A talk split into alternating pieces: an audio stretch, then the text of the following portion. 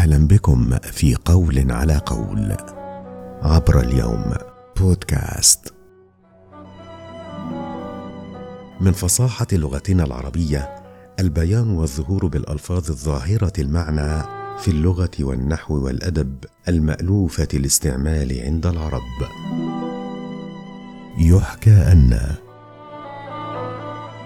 جاء رجل إلى الوالي وقال له لي جار سرق دجاجا من دجاجاتي ولا أعرف أي جار هو.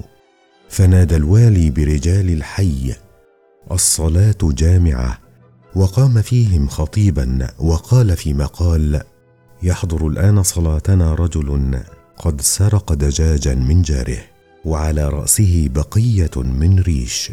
فمسح أحدهم على رأسه فقال الوالي هذا هو السارق. فخذوه. يقول العرب قديما كاد المريد أن يقول خذوني.